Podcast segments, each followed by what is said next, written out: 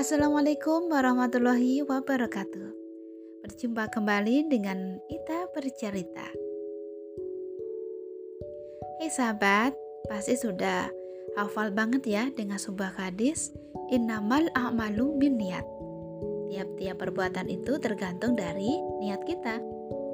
Bahasan ini mah ibaratnya sudah lewat kali ya. Dari semenjak sekolah sudah dijelaskan para guru. Nah, misal puasa seharian tapi niatnya untuk menguruskan badan. Ya nggak dapatlah pahala puasanya. Hanya berat badannya yang turun. Apa pun perbuatan manusia akan dinilai tergantung niatnya ya. Sedekah jor-joran tidak akan bernilai apa-apa jika tanpa niat untuk meraih ridho Allah. Harta berkurang iya, sayang, di sisi Allah tak tercatat. Jadi, luruskan niat kita ya. Termasuk juga ketika kita sedang program hamil. Nah, seperti bahasan kemarin ya. Jangankan promil deh gitu ya. Perkawinan saja seyukyanya juga terus diupdate loh niatnya. Bukannya semata-mata mencintaimu gitu ya, tapi ya niatnya kembali membangun rumah tangga untuk meraih ridha Allah. Ada hal besar lagi yang harus kita persiapkan ya selain niat, kesiapan mental. Kalau yang waktu awal-awal kemarin kita menyiapkan mental ya, e, mengharapkan ridho dari Allah terhadap ikhtiar kita ini. Nah sekarang saya ingin e, mengajak kalian semua untuk menyiapkan mental kehilangan. Ya, anak kan merupakan amanah, merupakan titipan, sewaktu-waktu bisa diambil Allah. Kebanyakan manusia, termasuk saya, siap menerima, tapi untuk kehilangan rasanya sungguh berat. Kehilangan orang tercinta tak jarang membutuhkan waktu yang lama banget untuk ikhlas um, misal saat sedang cinta-cintanya dengan ayah, Allah tiba-tiba mengambil. Duh, nyesek ya. Sudah belasan tahun berlalu, tapi saya sendiri pun belum bisa untuk biasa-biasa aja ketika duduk di kursi yang pernah diduduki ayah. Terdengar lebay ya.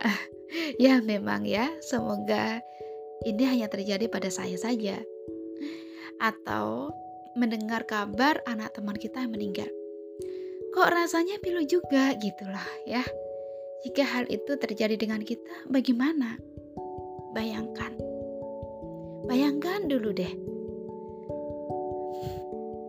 Sudah bertahun mendamba buah hati. Ikut program hamil sudah maksimal. Ternyata ajal kita lebih lama dengan anak.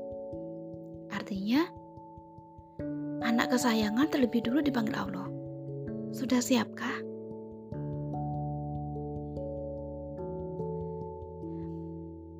Perlu kita yakini, tiap-tiap yang bernyawa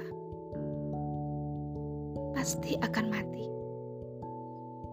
Nah, mumpung buah hati belum ada, siapkan dari sekarang ya mental kehilangannya nggak ada jaminan bahwa yang meninggal duluan dilihat dari banyaknya umur. Kok jadi melo gini ya? Ya Allah.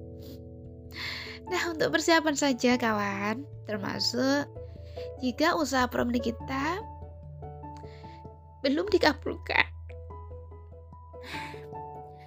Hati sudah harus hati harus sudah ditata ya siap menerima, siap kehilangan.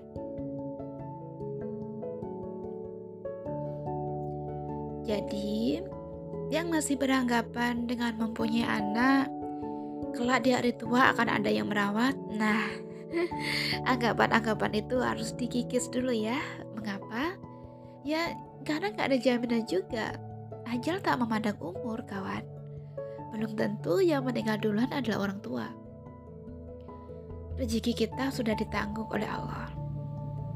Dari awal nyawa yang menempel di raga sampai nanti nyawa pergi darinya. Semua sudah dijamin Allah. rezeki manusia bukan di tangan orang tua atau kelak di tangan anak kita. Masing-masing sudah ada bagiannya ya. Jadi buang jauh-jauh harapan uh, dalam tanda kutip balas budi dari anak. Biar Allah, biar Allah yang membalas semua pengorbanan kita. Tetes peluh yang tercurah ketika merawat dan mendidiknya hingga dewasa. Biar Allah yang membalas. Tak akan cukup mengharap balasan anak kita kelak. Mungkin masih ada yang khawatir.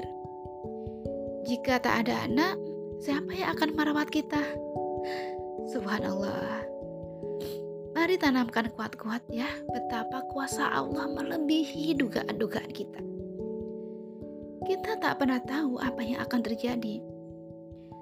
Dan terutama jangan GR. Kita orang tuanya ini meninggal duluan mendahului anak-anak. Bukankah Allah telah berjanji dalam Quran surat Muhammad ayat 7? Hai orang-orang mukmin, jika kamu menolong agama Allah, niscaya Allah akan menolong kalian dan mengokohkan kaki kalian.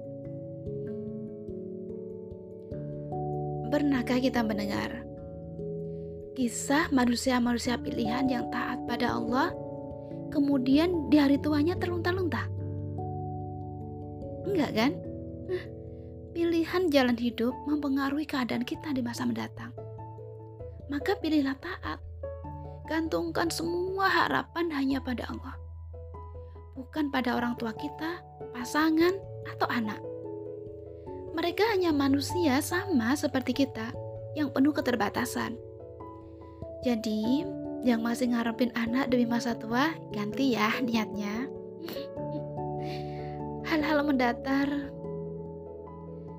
hal-hal mendasar di atas itu perlu kita pahami. Kita harus sapi dan dijadikan pertimbangan. Untuk apa? jika semua usaha program hamil kita gagal. Hati sudah siap menerima. Jika tiba-tiba ditinggalkan anak, hati nggak terlalu parah hancurnya. Intinya, mampu bangkit lebih cepat dan semakin berserah diri pada Allah. Bukan pada dokter atau terapis ya. Gimana sahabat semua? Semoga bisa lebih menguatkan hati ya. Insya Allah besok kita bahas langkah berikutnya. Salam bedak bayi.